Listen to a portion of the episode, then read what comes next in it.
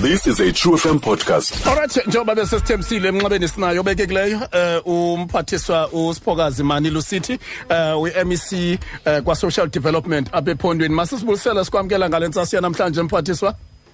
Ndiyabulela Reggie. Ndibulisa nakuba mameli baba True FM siza siza ngomcimbi omzima owenzekayo siubona uthanda uthi ndi ngoku eh no just kumakhasi onxibelelwano niqinisekile ngomcimbi nani nilisebe nijongene nawo lo lo mcimbi wezi eh wezi day care centers uh, zingekho semthethweni njalo njalo. How are you as a department addressing this? Because ziyezivela ngapha nangapha.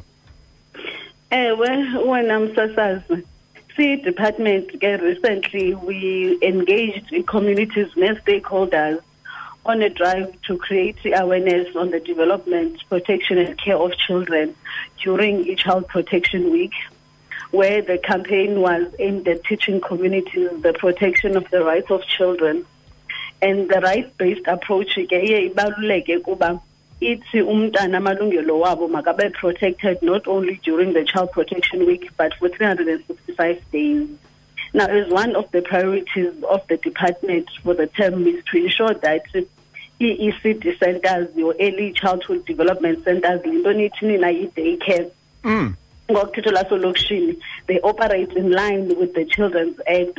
Now central to this effort is to make sure that bonke abantu abaye babe involved ekufundiseni nakukhathaleleni abantwana ba-registered and ba-screened mm. which is where ke i-challenge ikhoyo ngalo mzuzu which is a priority for urhulumente wethu uthethwa ngo ndikuva uthetha ngoscreener as well but um how does someone oselalini uh, uh kuqumbu someone oselalini uh, uh, ezibeleni njalo njalo xa ndibona umntana ndibona i-day care center ndibona indawo enogcina umntana because mamtshawe recommended this day care center is there something that i need to do as a parent in ensuring that lender ndawo i-registered ewe ii-ecd centers zi-registered kwa-social development so apho apho ilali zikhoyo there are social workers attached we have i-service centers ze-department sino-social service managers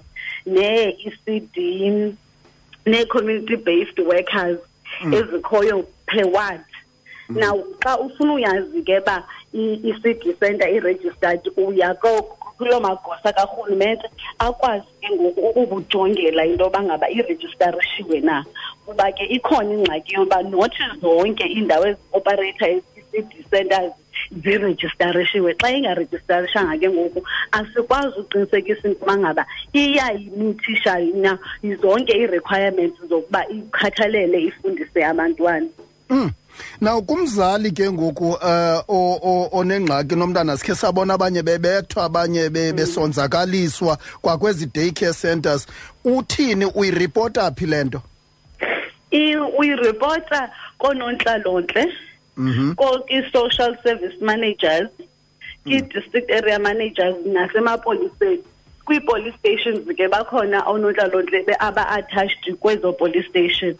When they report the case in any of the of of of these platforms baye bafumane iform ekuthiwa nguform 22 Mm. uform 22 yena uye atriggerishe a child protection investigation which i-investigation engafaniyo nezinye kuba yona ayinamapolisa odwa inamapolisa inesebe lika-social development inonontlalontle kuba ke into edibenisene nomntana inobuthathaka awukwazi ukuyihoya ngendlela efana nezinye ii-cases ezinoripotwa kodwa ke neboard nemanagement neecommittees ze-day care centers because i-ecd center kufuneka ibe neboard mm. eyiphetheyo apha imanagement iphendula khona uyayiripota but ufumanisa into yoba ngaba ke kwaloo management ngamanye amaxesha ngabo aba benza lo mkhubo kuhlukumeza abantwana mm.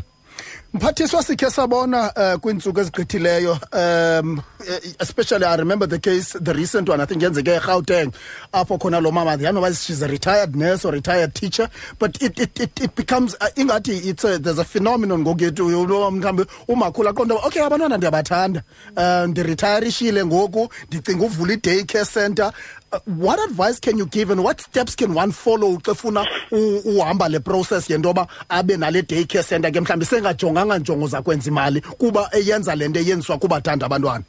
Yes. I think into yokuqala kukuba asondelelane nonontlalontle okufutshane ewadini yakhe okanye i-service center okanye le nto kuthiwa yi-community development workers which nazo zi-ward based bayofuna ifomu yokurejistarisha as a non-profit organization. Okay. Ukuze banikwe le form barejistarishe kwenzele nathi silisebe sizokwazi ukubaxhasa. Iqale apho ke then bazofumana ke ngoku zonke ii-requirements zokuba ukuze ukwazi ukusebenza as an ECD center these are the requirements that you need to meet alright mphathiswa sibamba ngazo zibini ngexesha lakho ngethemba le nto yoba um nakweli phulo lenu lokuvala um abanomgogwana belaa nto kabe-day care centers apha ephondweni um nizawuphumelela ngoba ngabantwana bethu aba and i think yenye yee-mandates zenu nilisebe uqinisekisa into yoba abantwana bethu basafe kweli phondo. Siyabulela msasazi singayenza loo nto if singasebenzisana nabahlali nee-communities zethu. Alright inkosi kakhulu umphathiswa siyabulela. Sure. Bulela uh, umphathiswa uh, ubekekileyo phaa kwa-social development apha ephondweni um umama usiphokazi mani lusithi. Find us online on truefm.co.za.